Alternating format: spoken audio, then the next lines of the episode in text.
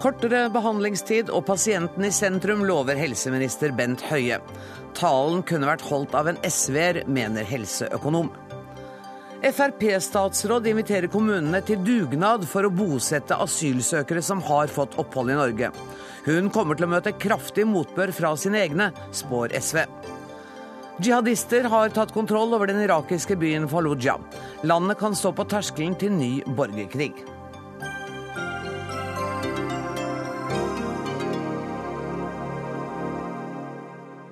Dette er tirsdagsmenyen for Dagsnytt 18, der vi også skal høre at norske filmer kanskje står overfor nok et suksessår. Men først. Fra en talerstol på Rikshospitalet i Oslo staket i dag helseminister Bent Høie ut kursen for et blått Helse-Norge. Denne regjeringen skal forandre og forbedre, ikke forsvare, sa du bl.a. i talen din i dag, Bent Høie. Velkommen til Dagsnytt 18. Hvordan kommer pasienter i Norge til å merke at vi har fått en ny helseminister? Ja, Vi har jo som visjon å skape et helsetjeneste der pasienten står i sentrum. Eh, og Det betyr at eh, ventetidene skal ned og kvaliteten skal opp. Eh, og Det å sette pasienten i sentrum det er det mange helseministre som har sagt før meg. Jeg mener at det må òg ha en politisk konsekvens. Blant annet så betyr det at da må en òg akseptere at det er viktigere at pasienten får undersøkelse og behandling, eller om det skjer på et offentlig eller privat sykehus. Setter den pasienten i sentrum, så må man være villig til å organisere arbeidet på de offentlige sykehusene på en annen måte. Eh, og Det gjør, tar vi til orde for, spesielt når det gjelder kreftpasienter. Der vi innfører innføre det som jeg kaller for pakkeforløp etter dansk eh, modell. Forklar kort hva det er. Ja, Det betyr at uh, i dag er det sånn at en del pasienter opplever å måtte vente for å komme inn i helsevesenet. Men så er det òg ganske mange kreftpasienter spesielt som òg opplever unødvendig venting når de er inne i mm. helsevesenet. Og Det et pakkeforløp innebærer, det er at hvert enkelt element i et behandlingsopplegg har en definert tid. Men så har en tverrfaglige møter mellom disse elementene, der en beslutter og forplikter det neste leddet om hva som skal skje. Og Hensikten med dette er å fjerne ikke-medisinsk begrunna venting og organisere arbeidet på en bedre måte. Eh, du sa at det viktigste er at pasienten får behandling, ikke om det skjer offentlig eller privat. Samtidig så var du klinkende klar i talen din i dag på at det faktum at folk med god råd tegner en forsikring, en helseforsikring som gjør at de går i køen i de private, det er en ordning du ikke ønsker å se mer av? Nei, altså jeg mener at dette handler litt om skal vi bevare offentlig en offentlig finansiert helsetjeneste i Norge. Da kan vi fortsette sånn som en har gjort nå, å være redd for å ta i bruk de private, og la det bli en del av et betalingsmarked. Da kommer vi til å oppleve at de som betaler den store delen av skatteregningen, nemlig folk som er i arbeid, de vil, et flertall av de vil etter hvert da få helseforsikringer. Enten som de betaler selv eller gjennom arbeidsgiver. Mm. Da vil vi få en diskusjon om kan vi ikke like godt bare ha et forsikringsbasert helsevesen i Norge, sånn som det f.eks. er i USA. Og Det ønsker det du ikke? Ikke jeg. Og da er vårt svar på det å sørge for at den muligheten som en har når en har helseforsikring, å kunne velge private løsninger hvis en har behov for behandling eller undersøkelse, den rettigheten bør en ha når en er medlem av folketrygden og har betalt eh, sine skatter, og dermed være pasient i Norge. Det er ingen som tjener på at pasienter venter unødvendig lenge verken den enkelte pasient, helsetjenesten eller samfunnet. Eh, du går sterkt inn for fritt behandlingsvalg og sier at det skal gjelde alle områder etter hvert, men det første dere satser på er innenfor rus og psykiatri, hvis jeg har oppfattet det riktig. Eh, fritt behandlingsvalg. Hvordan ser du for deg at det skal gjøres i praksis? Det skal gjøres i praksis på den måten at eh, alle pasienter i dag som skal ha undersøkelse og behandling i spesialisthelsetjenesten, de må gå til sin fastlege, få en henvisning. Hen som i dag? Som i dag. Henvisningen blir vurdert som i dag. Da får en en rettighet til undersøkelse eller behandling som i dag. Da mener vi at når en har fått den rettigheten til undersøkelse eller behandling, så skal en kunne ta den med seg òg til godkjente private tilbud. For det er ingen grunn til at en skal måtte vente unødvendig lenge hvis en opplever at den ventetiden en har fått på sitt offentlige sykehus, er for lang. I dag så må en vente til en har fått et fristbrudd mm. før en kan velge det private alternativet. Det er flere utålmodige mennesker, men jeg har et spørsmål til til deg. Hva tenker dere, eller hva har dere estimert dette til å koste? Ja, Det har vi ikke estimert ennå. og Det er en av de tingene som vi nå må jobbe med. Det som jeg kommer til å gjøre i år, det er å sende ut på høring eh, de lovendringene som skal til for å sikre disse pasientrettighetene. Og så har, vi, har jeg som ambisjon å innføre dette for rus og psykisk helse i 2015. Da må vi selvfølgelig ha beregna kostnadene det eh, vi innfører, før vi innfører det i det budsjettet som vi da legger fram. Også tilsvarende i det når vi utvider ordningen, i de årlige budsjettene når ordningen blir utvidet. Du, det var en lang tale, og du var innom mange felt. Du holdt på i over en time, så vi kan ikke ta alt her. Men Torgeir Micaelsen, du er helsepolitisk talsmann for Arbeiderpartiet. Eh, Du mener at talen sto til fire pluss? Ja. Jeg syns det var en god tale. Hva var det den fikk trekk for? Da? Den fikk trekk for eh, et par av de tingene du var innom til slutt. Eh, Den prestisjereformen til Høie og Høyre som heter eh, fritt behandlingsvalg, hvor han fortsatt er veldig utydelig på hvem det skal gjelde for, når det skal komme, og hva, hvem som skal betale for det. F.eks. i skolesektoren så er det jo sånn at hvis du oppretter en privatskole, så tas de pengene direkte fra den offentlige skolen, og derfor er ikke det ofte en god idé. Men la nå det ligge. Jeg syns det var en god tale, men det var lite nye, konkrete ting. Mange av de tingene som Bent Høie her eh, snakker om, og som han snakket om i talen, det er forslag som enten ja, Arbeiderparti-statsråder før enten har satt i gang, forberedt, vurdert eh, og til dels også igangsatt. Så han Du vet hva mitt neste helt opplagte spørsmål er da? Eh, Nei. Hvorfor har de ikke fått det til, da? Jo, men for eksempel, ta kreft, for eksempel. Da. Eh, Der, eh, helt prisverdig, så, så foreslår Bent Høie nå at det skal bli flere såkalte tverrfaglige diagnosesentre, der folk med ja, diffuse symptomer, da, hvor man er urolig for at det er f.eks. kreft, Mm. men ikke vet hvilken krefttype det, det kan være. At man skal få henvisning dit for eh, vurdering. Det satte vi i gang. Eh, Høie og åpna bl.a. ett av de nå rett før jul. Så vi eh, var jo i gang. Men vi hadde jo også planer om å fortsette å gjøre en del ting hvis vi vant valget. Men nå er det nå engang sånn at det var Bent Høie som vant valget, og det er det som kanskje er mitt siste poeng. Nå har Bent Høie vunnet valget. Han har flertall i Stortinget, han har fått vedtatt budsjettet sitt og fått nå instruert hvordan sykehusene skal driftes de neste året.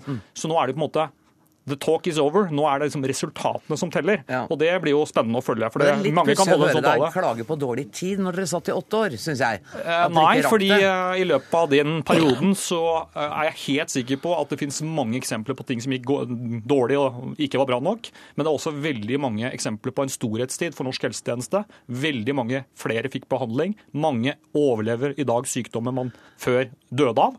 Så jeg syns ikke det var noe, eh, ja, noe skrekkscenario. Og det er kanskje til slutt kanskje det som er litt pussig alt i alt annet. At hvis du hørte den talen Bent Høie holdt i dag, så lignet ikke, lignet ikke den veldig, syns jeg, på den til dels svartmalingen av norsk helsevesen som Bent Høie som opposisjonsleder i Stortinget for knapt et år siden sto, sto i spissen for. Eh, Du skal få svare, statsråd, men jeg har lyst til å først eh, snakke litt med Norske legeforening og Hegge Gjessing. Hvordan vil du vurdere tallene i dag? Jeg syns også det var en god tale. Jeg syns det er en ambisiøs tale, og helseministeren legger lista høyt. Og det syns jo vi er bra.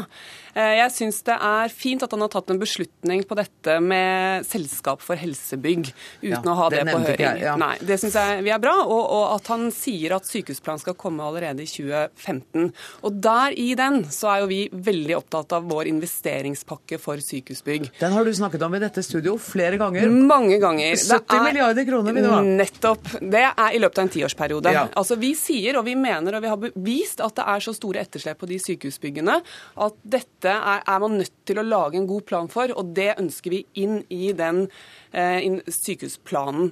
Og jeg mener at helseministeren her ønsker en åpenhet rundt de faktiske behovene og de ressursene som trengs. Så det er bra. Spennende med halvering av styringskravene. Vi kan, ta, kan vi ta det etterpå? Ja, Jeg må bare ta en liten runde, for at det, er, Ja. Mm, det er mulig det bare er meg. Men jeg stussa over hvor lite det var snakk om penger i den talen. Og de 70 milliardene over ti år, som eh, Legeforeningen har mast om til den forrige regjeringen lenge, og fortsetter med, du var ikke i nærheten av å snakke om det.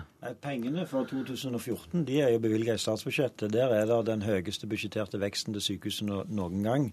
Eh, Sånn at dette er ikke, Det var heller ikke min forgjenger sin tale. Handler om penger, for pengene bevilger vi i statsbudsjettet. og Du, Jo, men du kan du jo si hva ambisjonene Ja, dine Du er. har aldri møtt en helseminister eller en annen statsråd i Norge som i januar forteller hva som skal komme i penger i neste års statsbudsjett. Det kommer ikke vel. Ja, Gjessing. Men, men, men, men, Jeg vet- Helseministeren har lovet eh, 12 milliarder Ja. over eh, fire år. 3 Nettopp. milliarder per år. Ja, Men- men, som er veldig eh, mye mindre enn det. det. Det som eh, jeg Gjessing her tar opp, jeg er helt enig i. Det er jo et kjempestort paradoks at det er over nå over ti år siden staten overtok ansvaret for sykehusene i Norge. Og fortsatt har vi altså ikke en nasjonal plan for hvordan spesialisthelsetjenesten skal utvikle seg når det gjelder bygg, utstyr, investeringer, hva for noen økonomiske behov det er, hva for noen kompetanse det er. Her sier han at det var lite nytt i den talen. Tvert imot. Dette er et ønske som mange partier har hatt i Stortinget i mange år. Arbeiderpartiet er det partiet som må ta ansvaret for at vi ikke har fått en sånn plan. Det er de som alltid har stemt imot og stukket kjepper i hjulene for det. Nå kommer planen i 2015. Det betyr at mye av det som Legeforeningen har bedt om, som de andre som er interessert i helse i Norge har bedt om, nemlig å få en samla nasjonal oversikt, nå blir lagt fram for Stortinget. Nå er vi inne på penga, og da er det naturlig å ta inn Jon Magnussen. Du er professor i helseøkonomi ved NTNU. Hva er din vurdering av eh, visjonen til helseministeren? Jeg er enig i det. Jeg syns han, eh, han, holdt en god tale. Eh, jeg syns han framstår som sin forgjenger, både genuint engasjert og så han trygg på det feltet som han, eh, som han snakker om, og det er heller ingen, heller ingen ulempe. Det som jeg syns er, er, litt morsomt med, med, med, hele debatten, er at vi, vi har en, nå en helseminister fra fra det som kalles en blå-blå regjering, som i sin tale for det første snakker varmt og, og, og lenge om det offentlig finansierte, offentlig baserte helsevesenet, før han svartmaler det forsikringsbaserte systemet, og så ender han opp med å snakke om en nasjonal helseplan som skal regulere hvem som skal gjøre hva, hvor og til hvilken pris. Eh, og kunne vært ved SV-er, egentlig? Ja, det var vel derfor jeg merket at dette kunne like gjerne vært sagt av en SV-er. Men, men, men, jeg syns det er en styrke, fordi det viser at det er en, en, en, tverrpolitisk veldig grunnleggende enighet om hvordan vi innretter norsk helsepolitikk. Og så har du noen, noen etter mitt skjønn relativt marginale forskjeller som er knytta til om du skal bruke 12 eller 12,5 eller 12,7 milliarder på, på, på, disse private leverandørene. Men ser du noen åpenbare svakheter i de planene som blir lagt fram i dag? Han har, en, han har en utfordring når han skal lage en nasjonal sykehusplan eh, i å gjøre den nasjonale sykehusplanen eh, så konkret som det er nødvendig eh, å bli for at den skal kunne være operativ. Og han har en utfordring i den nasjonale sykehusplanen å tydeliggjøre arbeidsdelingen mellom det politiske nivået og det styrende og administrative nivået. Eh, det er den første testen. Han har en utfordring når han skal innføre fritt behandlingsvalg, eh, ved å passe på at ikke det rett og slett fører til at man får en vridning av pasientbehandlingen fra de med eh, høyest behov til de med lavest behov, men høyest lønnsomhet. Det er mulig å utføre det, men, men, men, men det, er, det, er, en utfordring.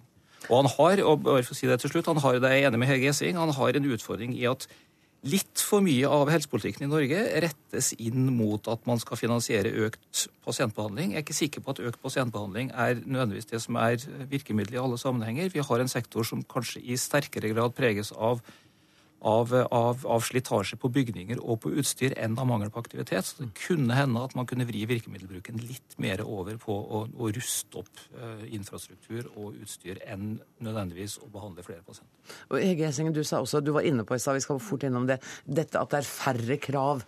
Ja. For det er jo en tilbakemelding vi har fått veldig mange ganger, helseministeren har fått veldig mange ganger, at det oppleves som at det er mye rapportering som man ikke helt skjønner behovet for. Sånn at vi er veldig spent på om da disse styringskravene da fører faktisk til mindre rapporteringer, som frigir tid til pasientbehandling, sånn at køene kan gå ned, og at pasientene får mer tid med legene. For det vet vi det er et stort, sterkt ønske om blant pasienter i Norge. Og det er vel målet, Høie, for det ville jo være et grep som virkelig gjorde at pasienter merket at vi hadde fått en ny ledelse i Helsedepartementet. Ja, og derfor har jeg nå i dag eh, hatt møte og halvert antall krav og mål i forhold til det som var i 2013. Eh, og jeg har fjerna ikke minst mye dobbeltrapportering. Jeg har fjerna mange krav der jeg tenker at de som jobber på sykehusene, de som leder sykehusene, de er kloke mennesker som vi kan ha tillit med. Det er ikke sånn at alt det som er smart i helsevesenet bør komme fra, fra meg. Det kan de komme fram til sjøl, og da trenger ikke jeg stille krav om det. Eh, så har vi da spissa de kravene som vi har i disse dokumentene. Vi har redusert det nå til samla 50 krav og mål. Det mener vi er et eh, fornuftig nivå. Men da vil vi òg stille veldig tydelige forventninger til at disse følges opp. Og så har, Dette er jo til de regionale helseforetakene. Og så har jeg i dag òg gitt beskjed om til de regionale helseforetakene at de skal gjøre den samme jobben mot sykehusene igjen. Nettopp for at de som jobber i sykehusene skal få muligheten til å bruke mer tid på pasientene på å finne gode løsninger lokalt og unngå dobbeltrapportering. Dette hadde ikke dere tenkt på, Michaelsen? Jo da, vi hadde Å, ja. det, vet du. Det var et av punktene i talen til Høies forgjenger for nøyaktig et år siden, så planen var jo da å gjøre omtrent det han nå foreslår. Okay. Eh, jo, men det er jeg helt enig i. Over, over, over Jo, jo, men vi, du, du foreslår fortsatt Ja, OK, greit. Vi hadde tenkt å gjøre det, da. Eh, men jeg tror bare vi skal erkjenne det, at det er, og det tror jeg også Høie vil fort oppleve, at eh, veldig mange, ikke minst Stortinget, har meget sterke meninger om hvordan penger og tilsyn og alt skal føres, og det fører ofte til at det kommer nye krav om rapporteringer og andre ting inn, som hver for seg er veldig lurt, men som samla sett blir uhåndterlig. Og Derfor er jeg helt enig i at dette er et bra forslag. Men jeg vil bare kort kommentere dette fritt behandlingsvalg, disse forsikringene som Høie er altså prisverdig opptatt av. Altså Det absurde med den diskusjonen er jo at Høie og Høyre vil legge til rette for skattefradrag for folk. Nei, dere kritiserte oss kraftig når vi fjernet skattefradraget for, for, for, for, arbeids, for sånn, sånn type forsikringer. Nå er det fem år tilbake i tid. Jo, men, det, men det er jo helt absurd, Bent. Fordelen med Høyre er at vi klarer å fornye vår Ja, ja, politikk i løpet av fem år. Og det forslaget ligger ikke på bordet i dag. Nå må men- jeg gi men- ordet til Hege som har bedt om en replikk. Det er ikke en replikk, det er siste poeng. Og det er siste poeng, ja, ja, fordi Helseministeren sa jo faktisk at ingenting av det han ønsker å få til, er mulig uten at IKT-systemene forbedres. Og at dette skal det være fullt eh, trykk på. Han sa at for å få til kvalitet og pasientsikkerhet, så trengs det forbedrede IKT-systemer. Og det ønsker vi er veldig spent på når vi, vi får sett dette i praksis. Og jeg har en liten bekymring for at det da kommer i skvis med f.eks. dette vi var inne på i stad med sykehusbygninger. Men det er et viktig poeng, og han har rett i det. Men da kreves også en del opplæring, vil jeg tro. Ja, det er en del av det. Og det har vel opplæring. Høie tenkt på. Altså, opplæring er det behov for, men det, er også, det som nå er det store behovet, det er rett og slett å få denne infrastrukturen på plass. Altså det å få eh, utstyret bygd ut. Men så er det behov for å gjøre en opprydning i lovverket. eh, Sånn at informasjonen kan følge den enkelte pasient, og ikke være innelåst i den enkelte institusjon, sånn som det er i dag. Fordi vi som pasienter i dag, vi beveger oss mye mer rundt i i helsetjenesten, og da har behov for at også informasjon beveger seg rundt. Og så må vi bruke den nye teknologien for å sikre personvernet på en god og moderne måte. Ikke den gamle tenkningen at bare hadde du journalene samla ett sted, så var de trygge. Sånt er det ikke lenger. Men nå har vi muligheten på en helt annen måte En å løfte person, personvernet gjennom å kontrollere hvem som har tilgang til våre personopplysninger. Du, flere av disse tiltakene skal jo settes i gang raskt. Allerede i løpet av neste år skal vi merke Ja, dette året. Vi er i 2014 nå. ja, og, og neste år skulle det komme enda mer. Sånn at Jeg får kjeft for at jeg driver og inviterer folk tilbake, men jeg vil gjerne invitere dere tilbake om et år. altså vi ser hvor langt, hvordan det Det har blir gått. spennende. Ja, Vi gleder oss. Tusen takk for at dere kom, Bent Høie, Torgeir Micaelsen, Hegg Gjessing og Jon Magnussen. Og inn i studio nå kommer eh, vår egen politiske kommentator eh, Magnus Takvam. Statsråden kalte dette for en ny retning. Er det det? Det er eh, varsel om en ny retning, muligens. Det jeg syns det er verdt å slå fast til å begynne med, er at Høie nå har det privilegium å si, være en reformator i helsesektoren ved starten av hans eh, periode som, som helseminister. Og da da kan han jo framstå som en kritiker av det eh, som har skjedd under det forrige regimet. Eh, så utfordringen blir, som dere var inne på i debatten også, når man etter hvert begynner å etterspørre resultater. Eh, men det var et par eh, konkrete ting som varslet eh, en omlegging, sånn som Hege Gjessing var inne på. Dette med helsebygg, et eget selskap for å bygge nye sykehus og koordinere og, planlegge det.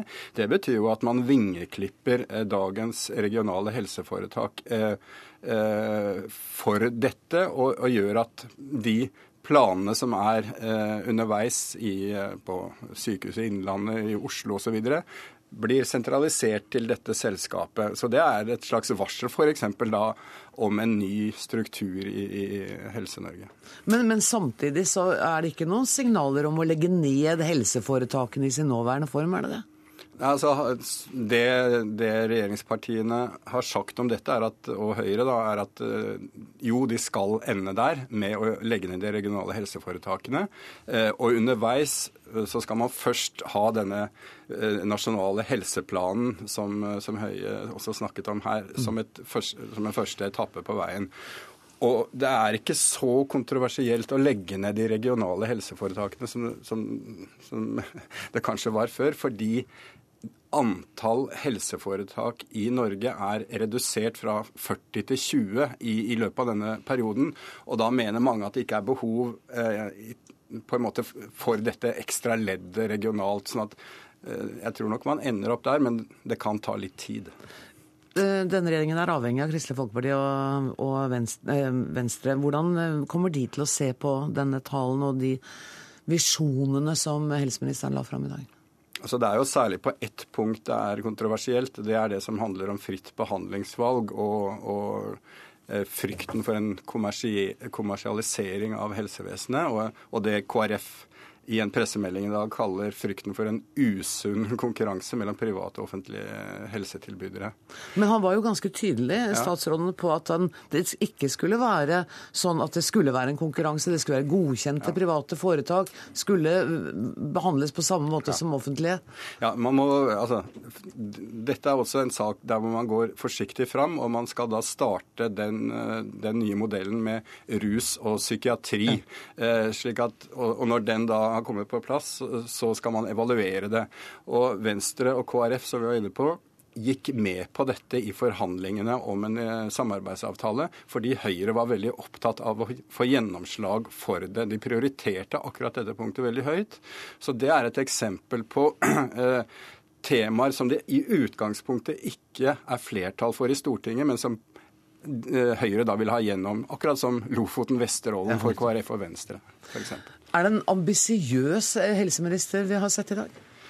Ja, det, det, må man jo si når han lover raskere behandling og, og, og skal vi si at pasienten skal ta, bli tatt mer vare på. Så, så, så er jo det løfter og, og visjoner som mange merker seg.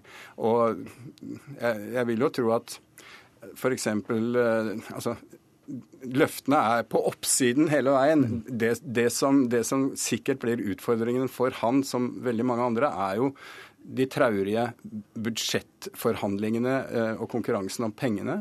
Også, og helsepersonell. Altså det, det, er, det, er, greit å ha visjoner om bedre eh, tilbud, men alle vet at det er eh, knapphet på kvalifisert nøkkelpersonell på mange områder. Så han må nok slite med det, han også. Tusen takk skal du ha, politisk kommentator Magnus Takvam.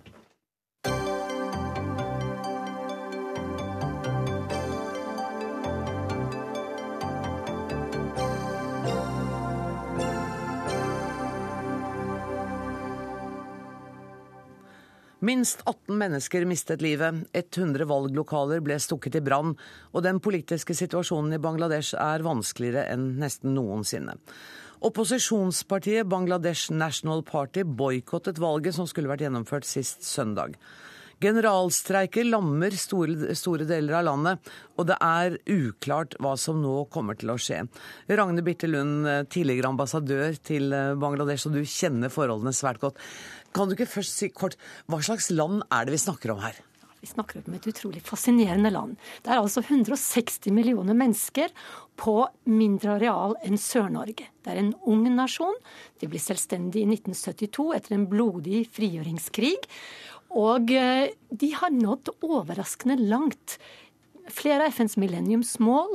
Det er et folket vil jeg si er den sterkeste ressursen Bangladesh har. Og det hører jeg fra så mange som har vært nede på besøk da jeg var ambassadør, og jeg kom jo nylig hjem. Men hvorfor er det da så umulig å få det til politisk? Og tabloidsagt tabloid sagt så kan man si at det er to kvinner som slåss her. Ja, Det er litt forenklet, vil jeg si. Ja, ja, jeg må si det. Vi har ikke mye tid. Men jeg tror vi må sette litt i perspektiv, og la meg få gjøre det. Bangladesh var jo, og sånn som jeg ser på kartet, så er det jo nærmest innlemmet i India. Men det ble jo en del av Pakistan. Og det som pågår nå, denne personlige konflikten, den har historiske røtter. Og må, da må vi gå tilbake til selvstendighetskrigen i 1971-72. Der, der, og, og der, der, det var en kamp mellom islamister og de som støttet Pakistan, og de som var og skulle bevare og sto for og hadde kjempet for den utrolig rike eh, kulturtradisjonen, språket, kulturen dette landet, dette folket, hadde mange, mange tusen år. Mm. Og så det, så det, som utspiller seg, er veldig mye en kamp mellom det sekulære og det mer kan man si, fundamentalistiske. Mm. Og Sheikh Hasina, som da fikk et kjempemandat for fem år siden, til å gjøre mye, og hun har gjort mye òg. Hun står for det sekulære. Eh, hun vil eh, på liv og død bekjempe enhver form for nasjonalistisk islam. Og Bangladesh er jo på mange måter det er riktig å si at Bangladesh er et moderat eh, muslimsk land. Det er et multikulturelt og multietnisk land. Det er flere religioner. Men det som er sørgelig, da, det er jo at disse eh, lederne, de to som eh, Og det er en historien som er så blodig, med disse tre millioner menneskene som ble drept da i frigjøringskrigen. Rettsoppgjøret som pågår, og som blir veldig politisert. Eh, at disse to lederne de hadde jo relasjoner eh, til de første lederne i Bangladesh. Og så, så det er mange, på mange plan dette Er det både politisk og personlig? Ja, det er personlig, men jeg vil si det er nok politisk også, som jeg prøver å si, og kanskje jeg må være enda litt tydeligere på dette med det sekulære. Mm. Og, og de, de, begge politiske ledere har for så vidt lekt litt med islamistiske partier og islamistiske krefter. Men, men det er, vil jeg si, kanskje ikke Det er mye som er personavhengig, og det er personlige ledere. og mange, Det var jo lenge snakk om da en, en, et, en, ny fremtid for Bangladesh, og det må vi jo fortsatt snakke om, en ny fremtid for Bangladesh, for de må komme seg ut av dette. Og da er det nok en minus two-formula, men i dag snakker vi kanskje ikke så konkret akkurat om dem. Vi prøver jo å appellere til, og det har Norge vært med på. FN har vært nede, generalsekretæren har hatt sin utsending om at de må bli enige om en løsning som gjør at dette her ikke skal være et sørgelig rituale som får landet til å stoppe opp og folk til å lide så mye hvert femte år. Ja, fordi at uh, Nå har vi snakket litt om statsminister uh, Sheikh Hasina. Uh, men kan du si litt om Begum Khaled Sia fra opposisjonssiden? Ja, det kan jeg gjøre. Altså, partiet Hun har jo vært partileder siden hun ble, ble enke, mm. hadde jeg sagt, for hennes mann var da partileder. Hun, hun har jo også vært statsminister to ganger. Så de har vekslet. Det er ingen som har maktet å bli gjenvalgt. Og, og, og nå, siden da forrige valget, som var så sterkt eh, støttende til eh, den sittende regjering, eh, så valgte da Kalira Sia å boikotte parlamentet. Så boikott av valg, det er, føyer seg inn i et mønster. Mm. Det var boikott av parlamentet. Og hun krevde da at eh, de måtte gjenetablere et såkalt overgangssystem, slik at eh, det skulle bli eh, like betingelser for å kunne delta i valget. Det er altså, ja, og, og, og Khalida Sia er jo en eldre, Begge damene er jo eldre damer. Eh, Khalida Sia har nok mer en etterfølger enn hva eh, Sheikh Hasina har på sin side. Men du, nå er, det, nå er, det, et politisk kaos igjen. Og det har vært generalstreiker, folk er døde i disse Det er voldsomme eh, protester. Går det mot en unntakstilstand? Nei, altså det er, Foreløpig så er det Det kan være flere muligheter. Og det er klart at skrekkscenario er jo at, eh, at, det blir vedvarende politisk kaos. Og dessverre så har jo opposisjonen nå også etter valget eh, fortsatt med å kunngjøre streiker. Og det dagliglivet, det rammer, folk rammes veldig. Økonomien rammes. Eh, eh, Unntakstilstand kan det bli, men jeg tror også at det, Og da vil det militære bli påkalt. Men det militære de har også lært fra før, og de, mye prestisje er på spill for Bangladesh. Bangladesh er en stor bidragsyter til FNs fredsbevarende operasjoner. Bangladesh er en stor aktør internasjonalt slik, og en brobygger. Vi trenger Bangladesh. Mm. Og det er et interessant land for norsk næringsliv? Det er det, og det er det, de brillene vi faktisk må ta på oss. At, og, det er jo så skadelig da, hvis dette fortsetter, For da blir jo klima for utenlandske investeringer vanskeligere og vanskeligere. Men la oss håpe at eh, kan, denne krisen faktisk kan utløse noe nytt, og noe som blir varig, og at eh, folket kan fortjene å få den fremtiden de virkelig trenger. Tiden løper fra oss, Ragnhild Birtelund, og enda har vi ikke snakket om korrupsjon, som egentlig hadde vært verdt et helt eget innslag. Men eh, jeg må si tusen takk for at du kom til Dagsnytt 18 i dag. Takk, skal takk du ha. for det. Nesten 5500 asylsøkere sitter på vent i mottak, selv om de har fått varig opphold i Norge. I VG i dag ber integreringsminister Solveig Horne fra Fremskrittspartiet kommunene om å bli med på en dugnad for å finne bosteder til Norges nye innbyggere. Hvorfor er dugnad og frivillighet riktig, når det aldri har vært flere asylsøkere som mangler bolig, integreringsminister Solveig Horne? Ja, det kan du gjerne spørre om. Men det som er viktig for, for regjeringen, er på en måte å spille på lag med kommunene. For vi har et ansvar, vi som er stat og regjering. Men samtidig så er det jo kommunene som skal finne en plass for disse flyktningene som har fått opphold og bo, og det er kommunene som får ansvaret. Og da mener i hvert fall vi at det er viktig å, å spille på lag med dem, eh, og ha en dugnadsinnsats sånn at vi bidrar alle sammen. Og det er i hvert fall det som er mitt hovedfokus nå fram igjennom. Ja, for det er jo helt uholdbart at mennesker som har fått opphold, varig opphold i Norge, bor på mottak. Hvor lenge blir, kan noen bli boende? Det er flere, flere, som bor på de mottakene, har bodd der i mange år. Og det er som du sier, helt uholdbart. Og når jeg overtok som statsråd, så oppdaga jeg at det sitter altså over 5500, og veldig mange av de, eller over 800, er barn.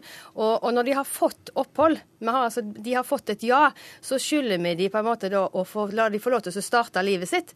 Og livet deres er ute i en kommune, der de skal begynne på både skole, i barnehage og få seg arbeid eh, og komme i gang gang med livet sitt. Og, og det er noe som, som, er mitt ansvar nå for oss å få integrert dem. Men hvordan ser du for deg denne dugnaden?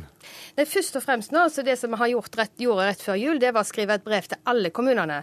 Eh, før så har det bare noen kommuner, eller ikke alle kommuner har ikke fått et brev. Nå har de, alle kommunene fått et brev om å være med på en dugnad.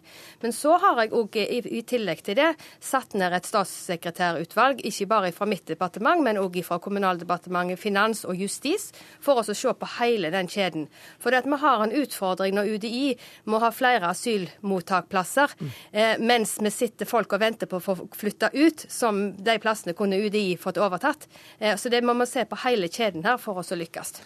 Eva Kristin Andersen, du er Fremskrittspartipolitiker i Fredrikstad og satt som ordfører forrige periode, og var imot at Fredrikstad skulle ta imot noen flere asylsøkere.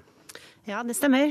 Eh, poenget var jo at eh, Fredrikstad kommune har vært en veldig flink kommune til å si ja i alle år. Eh, vi har vel i snitt de siste ti år tatt imot ca. 50 hvert år. Vi har også sagt ja til ti enslige mindreårige flyktninger. Og det jeg mente når jeg satt som ordfører den gang, var at vi trengte en pause. Vi så at det var en veldig stram kommuneøkonomi. Vi hadde ikke boliger til de som vi hadde sagt ja til. De enslige mindreårige var veldig krevende i forhold til vårt barnevern, som allerede slet veldig.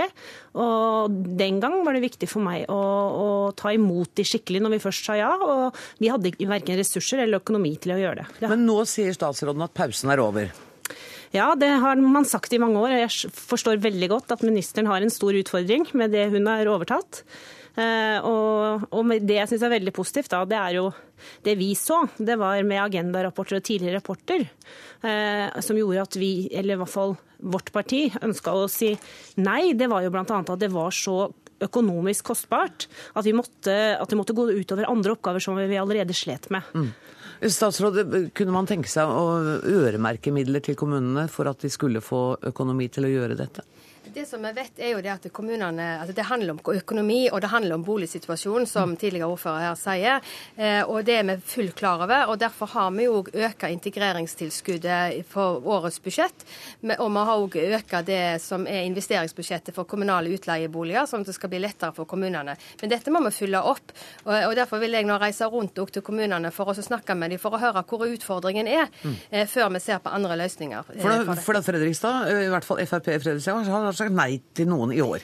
Ja, og det er, altså, har, det er veldig mange kommuner som sier ja, og det er jeg veldig glad for. Men så har jeg òg forståelse for de som på en måte sier nei. Og, men, men, det som er viktig da, er å på en måte få høre hvorfor har de sagt nei. Hva er det noen utfordringer der som vi som stat kan være med oss og bidra og hjelpe dem med. Og jeg vet at det er veldig mange som, som ønsker å ha en liten pause. Jeg vet at de har, og, de har utfordringer i forhold til boligsituasjonen, og ikke minst at det òg koster penger. Og da må vi som, som stat, når vi gir kommunene dette ansvaret, fylle opp med penger, sånn at det får dekka de utgiftene som de har. Karin Andersen, medlem av kommunalkomiteen for SV. Hvorfor er du negativ til dette?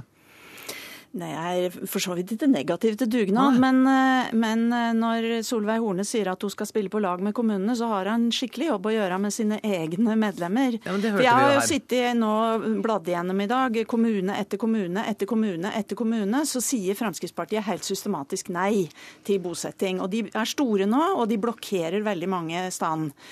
Det andre er at eh, jeg tror ikke at vi kommer eh, noen vei med bare dugnad. Det har vært prøvd nå i veldig mange år.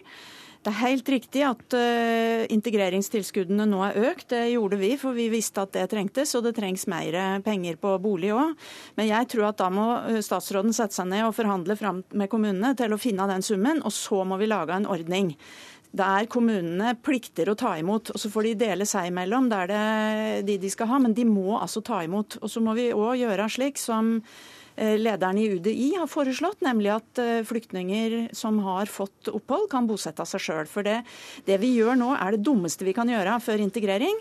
Du blir sittende i årevis på et mottak. Ja. Jeg ser når jeg har jobba mye med sånn Det er jo din regjering som er skyld i det, da. Ja, vi har jobba også med dette for å prøve å få til eh, at dette skal gå frivillig. Men det må jeg si, det har jeg ingen tro på. Vi har hatt ute forslag Eh, på bl.a. dette at eh, de som har fått ja, skal kunne få lov til å finne en bolig, bostedskommune sjøl og flytte dit og få med seg integreringstilskuddet. Vi har òg i regjeringa, forrige regjering eh, tatt opp forslag om å finne en slik ordning nå à la det de har i Danmark. Og det går ikke? Nei, da fikk vi ikke. Men jeg, jeg tror ikke dette kommer til å gå hvis vi ikke gjør det. Og det er ris til egen bak, fordi at det går veldig mye dårligere med integreringa når folk blir sittende på mottak i årevis. Og ja, derfor så må det, det, det har jo denne statsråden ja. virkelig fått erfare. Ja. Men, du, men, altså, det, men, det, hun sier, er at det er på tide å kaste gulrota og ta fram pisken. Ja, altså Nå har jeg vært statsråd i to måneder, og har på en måte, når jeg kom inn i stolen der, så har jo jeg da altså arva dette problemet fra den foregående regjering. Altså SV har hatt statsråden i fire år og hatt ansvar for integreringspolitikken, og ikke klart å få dette til. Eh, og Derfor er det jo det første grepet. altså Det nytter ikke å begynne å snakke om både tvang og annen altså selvbosetning før man faktisk har prøvd å spille på lag med kommunene. Og det denne regjeringen har tatt tak i, det er jo å sende brev til alle kommunene, som ikke foregående regjering tok. Og det med å øke eh, integreringstilskuddet og gjøre det enklere eh, for kommunene, den utdelingen der. Men så er det helt klart, det der, der å se på andre bosetningsmønstre, det å se på selvbosetning, det å se på om det skal være en tvangsbosetning, det er jo ting som jeg vil ta med meg i det videre arbeidet. Men det er først og fremst det er en frivillig bosetning med kommunene i samarbeid med KS. For KS har jo en frivillig avtale med kommunene om å få bosatt. Eh, men den frivilligheten må jo være basert på at kommunene klarer å få bosatt mm, flere. Men det Problemet her er det ene er at uh, du er nødt til å ta en runde med dine egne partifeller. For det er dem som sier nei. Og ja, de sier nei. Si det, de sier nei på, nå, på De sier nei på et prinsipielt grunnlag.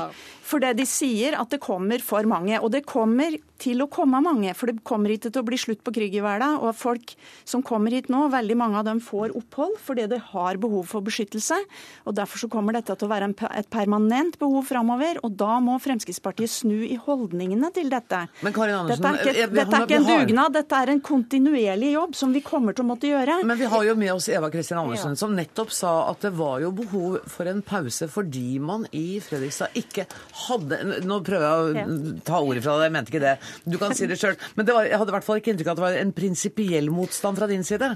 Nei, absolutt ikke. Og når jeg hører ordet tvang, så tenker jeg også eh, kommunene skal faktisk sitte og ha tilgjengelige boliger. Vi skal ha boliger som har en viss standard. Jeg hadde møter med, med flyktninger vi hadde sagt ja til, som hadde handikap, som ble sittende nede i kjellere og som ikke kom seg ut. Så snakker, Vi snakker også om kvalitet, for og det er mennesker vi snakker om som skal ha en kvalitet når de skal ut og bosettes. Så jeg er veldig glad for at uh, vår nye minister jobber med å se på nye tilskuddsordninger, jobber med å samarbeide med kommunen i forhold til det å, å legge opp til tvang, for det gagner ingen. Så, men, og hvis, hun, men, hvis dere men, får bedre, flere penger, så vil du revurdere ditt standpunkt om nei, ikke sant? Selvsagt. Det snakkes om at vi skal få nok penger så at ikke det skal gå utover andre oppgaver også. Men da tror jeg du må også høre på det som jeg sa først. For jeg sa at statsråden bør sette seg ned med kommunene, finne ut hvor mye det koster, og det er særlig på bolig det butter finne en ordning på det. Og så må man ha en bindende avtale med kommunene.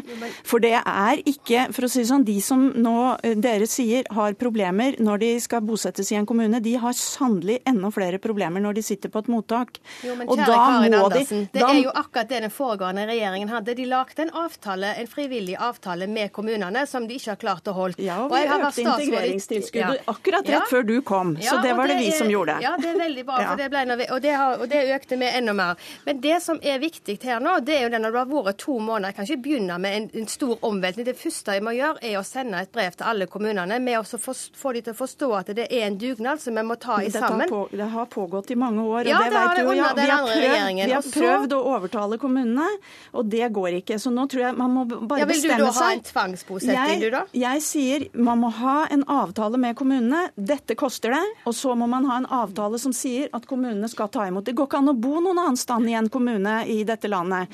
Og det handler ikke om tvang for kommunene, det handler om frihet for den som skal ha en stand å bo. Mm. Det er den friheten ja. som er viktigst. Og det er Mitt ansvar er også at de som har fått et lovlig opphold i landet, ja, de skal få en kommune skal, å bo ja. på. Og først og fremst så skal det skje frivillig, og så må vi komme tilbake og se om vi må ha andre løsninger på dette i framtida. Hva slags tidsperspektiv ser du for deg når det gjelder de over 5500 menneskene som nå sitter i asylmottak og ikke skulle vært der? Ja, Nå venter jeg på tall fra IMDi, da, som skal se på om det brevet som er sendt ut, om det hjelper. og ha tett kontakt, men dette skal fylles tett opp. Eh, og vi kan ikke komme til sommeren før vi begynner å spørre og etterspørre om dette har hjulpet. Eh, vi har òg det statssekretærsutvalget som skal, skal jobbe for oss å se på andre bosetningsløsninger, som skal jobbe raskt. Og jeg ser for meg at vi har konkludert og, og fått eh, på plass nye avtaler før sommeren. Ja, Nye avtaler, men når ser du for deg at 5500 mennesker er ute i anstendige boliger rundt om i landet? Nei, Så raskt som mulig. Og raskere enn den foregående. Veldig abstrakt, da. Ja. Ja, det kan så si. Men altså, Snakker vi ti år? Nei, overhodet ikke. Der er, hvor lenge, der er på en måte satt, fastsatt allerede nå frister hvor lenge de skal sitte. Eh, og, og, du kan si det at nå har kommunene en frivillig avtale, og det mangler, og, og de ikke, de ikke har klart å få på plass. og Da må vi få framskynde det, slik at vi, de slipper oss å sitte men, for lenge. Men hvis man, hvis man lar flyktningene kunne bosette seg sjøl med de midlene som nå ja, blir bevilga Det er utfordringer med det, tror jeg Karin Andersen er klar over. Det... Hvis vi ser til Sverige, når vi ser de problemstillingene de har med selvbosetning i i, både Malmö og i Bosetting rekker vi ikke å gå mer inn på. Jeg må si tusen takk for at dere kom. Takk til Solveig Horne, Karin Andersen og Eva Kristin Andersen.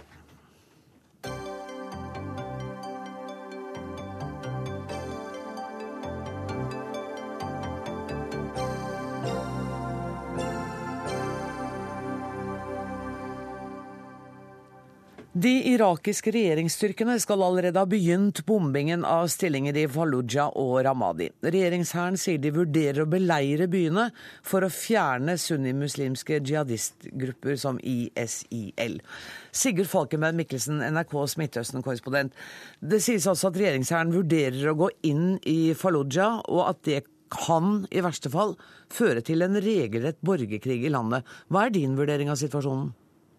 Ja, det er klart det er eh, veldig spent, og det er den største militære utfordringen eh, Noria Maliki står overfor. I hvert fall den største han har hatt på flere år. Nå nå Det siste vi har hørt, er at en offiser sier at de holder igjen fordi de frykter sivile tap. Men de bygger, opp, de bygger opp militære styrker utenfor, og de kan jo gå inn. Og så har det også vært da forsøk på å gå inn i Ramadi med en sånn kombinasjon av vanlige soldater og Eh, krigere eh, som hører til lokale stammer der oppe. Noe som da har resultert i eh, kamper. Sånn at det er en meget spent situasjon i disse to største byene i Anbar-provinsen i Irak, som er historisk sett et av de mest urolige hjørnene av landet. Hvordan vil du beskrive forholdet mellom den sunnimuslimske minoriteten og, styr og den styrende shia-majoriteten?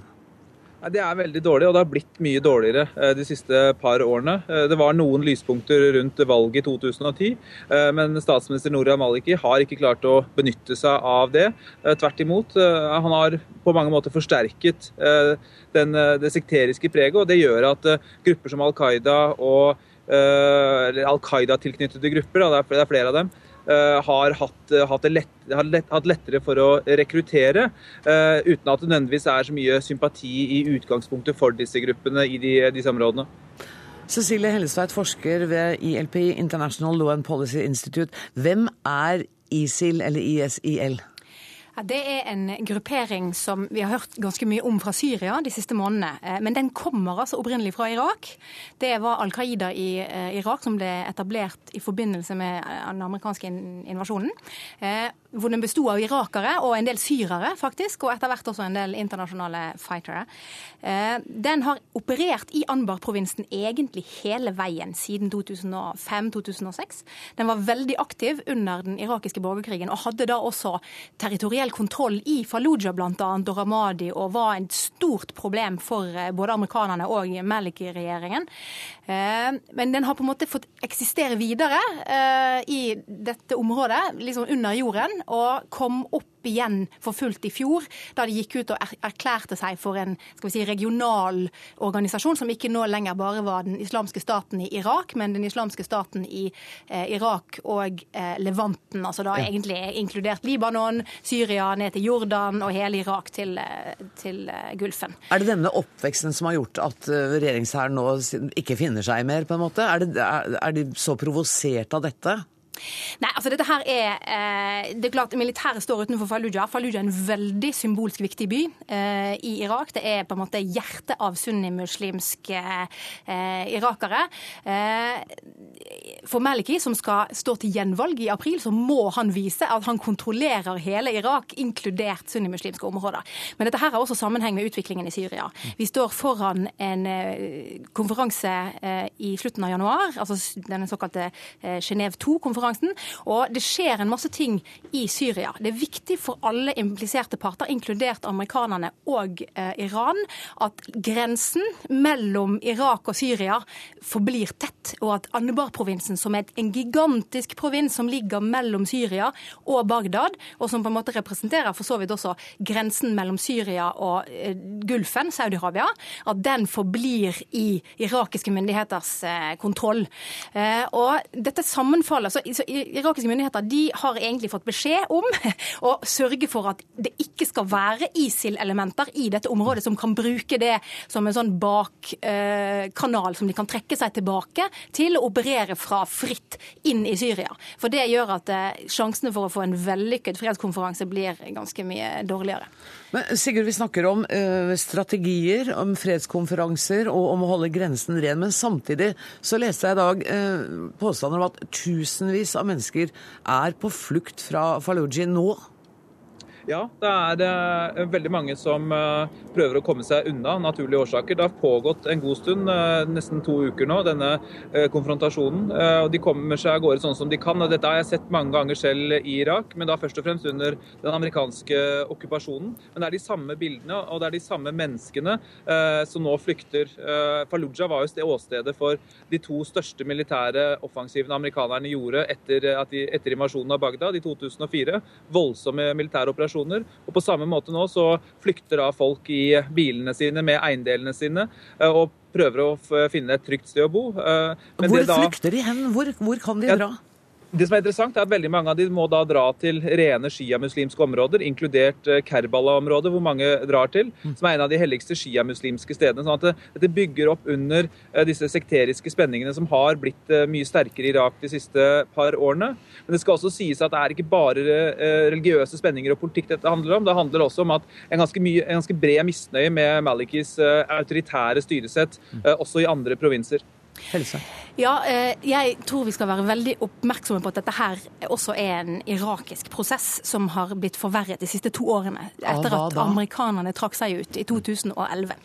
Eh, Irak befant seg i en borgerkrig som varte mer eller mindre frem til 2008. Den ble den ble brakt til endes gjennom at man brukte sunnimuslimske eh, skal vi si, eh, tribal leaders til å få en bukt med bl.a. Al Qaida og opprørsstyrker osv. Det var særlig i Anbar-provinsen at man vant over den irakiske borgerkrigen, eller la lokk på den. Og Da fikk man en fredsavtale som betydde en, en maktfordeling mellom sunnimuslimske områder og sjiamuslimer, med Maliki i spissen. Og den måneden da amerikanerne trakk seg ut, i desember 2000 2011 så gikk i realiteten Maliki bort fra sine lovnader, som var forutsetningene for den fredsavtalen. Og Den har bare blitt undergravet mer og mer de siste to årene. Og eh, det siste året særlig så har det vært en fullstendig politisk krise mellom eh, sunnimuslimske politikere som mener seg eh, jaget fra eh, viktige eh, posisjoner, som mener seg forfulgt med terroranklager. De har fått dødsstraff, de har rettsprosesser mot seg, også mennesker som sitter i parlamentet eller i ledende politiske posisjoner kroner. Og I tillegg så har på en måte de lovnadene som blir gitt til disse sunnimuslimske eh, stammegruppene i forbindelse med fredsavtalen i 2008, eh, da de på en måte hadde slåss mot Al Qaida-grupper og opprørere, de lovnadene har ikke Malik-regjeringen holdt. Og Det er det som er utfordringen til Malik nå. fordi at Han ses på som en mann som eh, bruker dette som eh, taktikkeri for å sørge for å vinne valget i april. Veldig mange av de store stammene i Anbar-provinsen de tror ikke på hans lovnader når han sier for det første når han sier at jeg skal slåss mot terror, terroristene her. så er det akkurat den samme retorikken han bruker når han slåss mot eh, sunnimuslimske politikere som er valgt. Eh, og det er eh, den samme, på en måte de samme lovnadene som kommer fra ham om å integrere sunnimuslimske unge menn i sikkerhetsapparatene, om å gi økonomiske fordeler, politiske posisjoner, som han jo har gått ifra tidligere. Så han har et stort problem med at de virkemidlene som han har til rådighet for å få kontroll over situasjonen i Anbar, de risikerer å åpne opp igjen så fra den irakiske borgerkrigen, og eventuelt da eh, faktisk få, eh, få Irak inn i en ny type borgerkrigslignende situasjon. Sigurd, helt til slutt. Eh, vil de neste dagene gi en avklaring på hva som kommer til å skje i Fallujah og Ramadi? Jeg tror uansett dette kommer til å ta tid. Eh, vi vil kanskje se hvilken eh, taktikk eh, Maliki velger, om de velger å gå inn med full militær styrke raskt. Men dette er et langsiktig problem Irak har, mm. fordi det er et dypt politisk problem, vel så mye som et rent akutt militært problem. Tusen takk for at dere kom til Dagsnytt 18, Cecilie Hellestveit som kom hit fysisk, og Sigurd Falkenberg Mikkelsen som var med oss på Skype.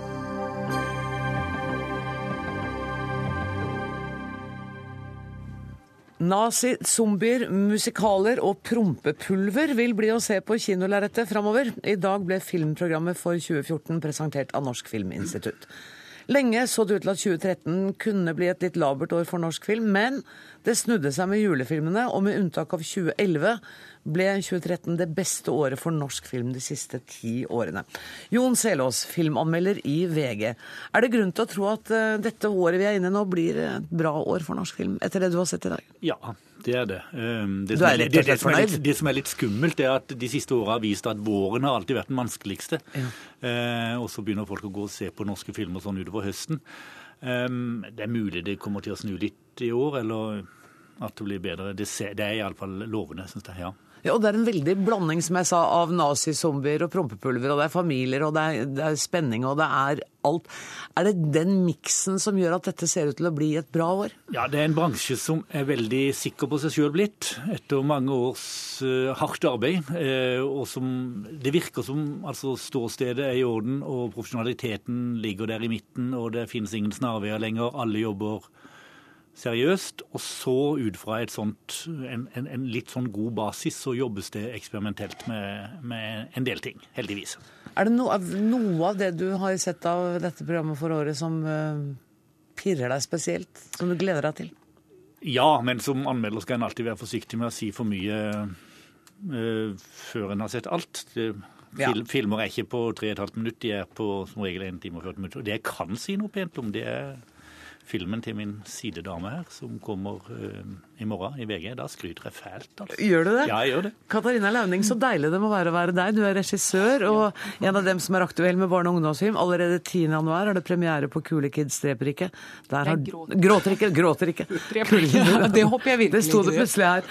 Uh, gråter ikke. Uh, det, så fantastisk å vite at du får så bra anmeldelse i morgen.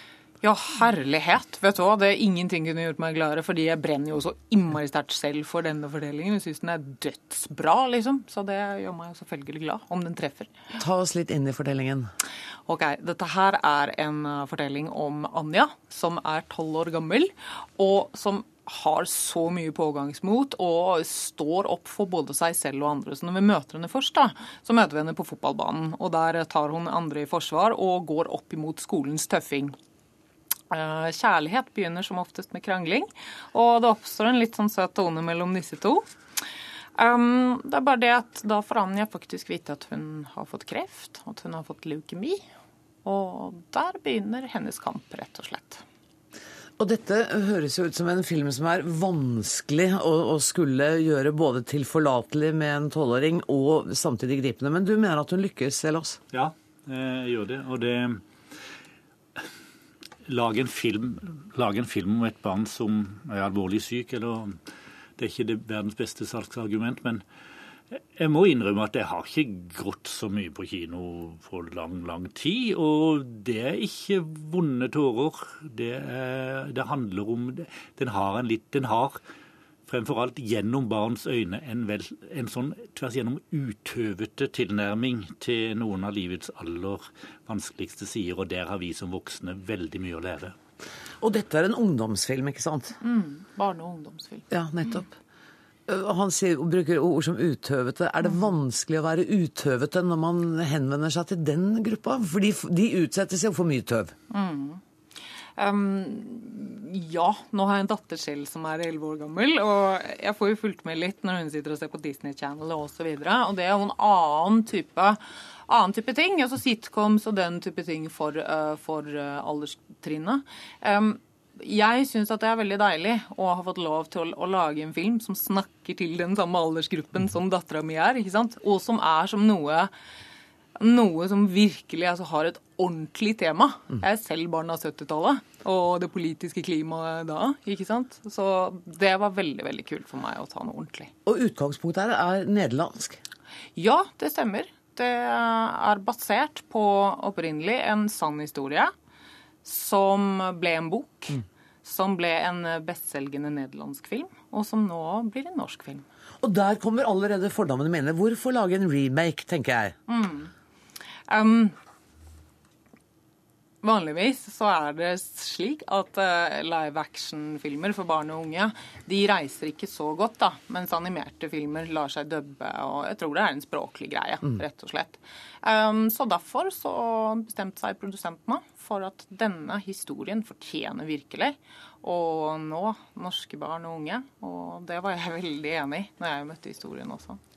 Selvås, har eh, norsk barne- og ungdomsfilm eh, vært undervurdert, eller har den vært litt dårlig? Nei, den har ikke egentlig vært dårlig, skjønner du. Det er på mange måter norsk barnefilm som har redda i de siste åra, og veldig mange elsker, eh, elsker de norske barnefilmene. Ehm, det som kanskje har vært litt mangelvare, det har vært de originale barnefilmideene. For veldig mye eh, er knytta til det som allikevel går på TV osv. Det, det viser jo at folk gjerne vil kjenne igjen universene som en beveger seg i, og det er vel kanskje et uttrykk for at vi befinner oss i en fragmentert tid.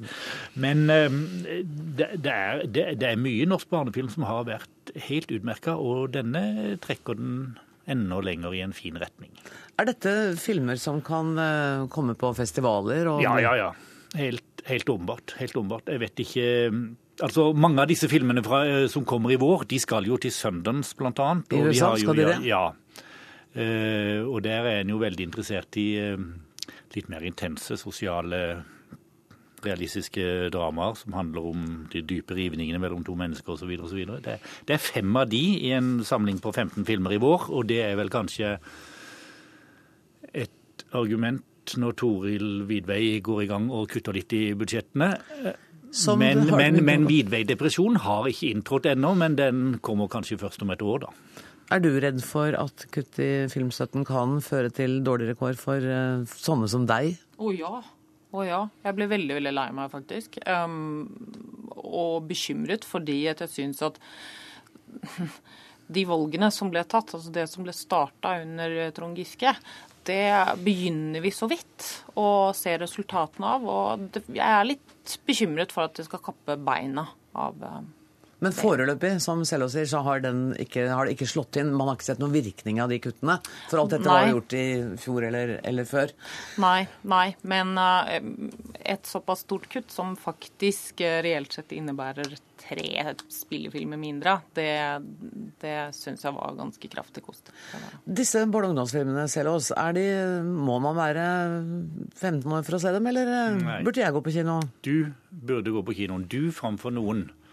Jeg snakker om voksne mennesker som lever av å formidle til andre og forsøker å forholde seg til andre mennesker. Vi kan lære av barn, og kan, fordi at vi kan lære av barn, så kan vi lære av en film som Kule Kids gråter.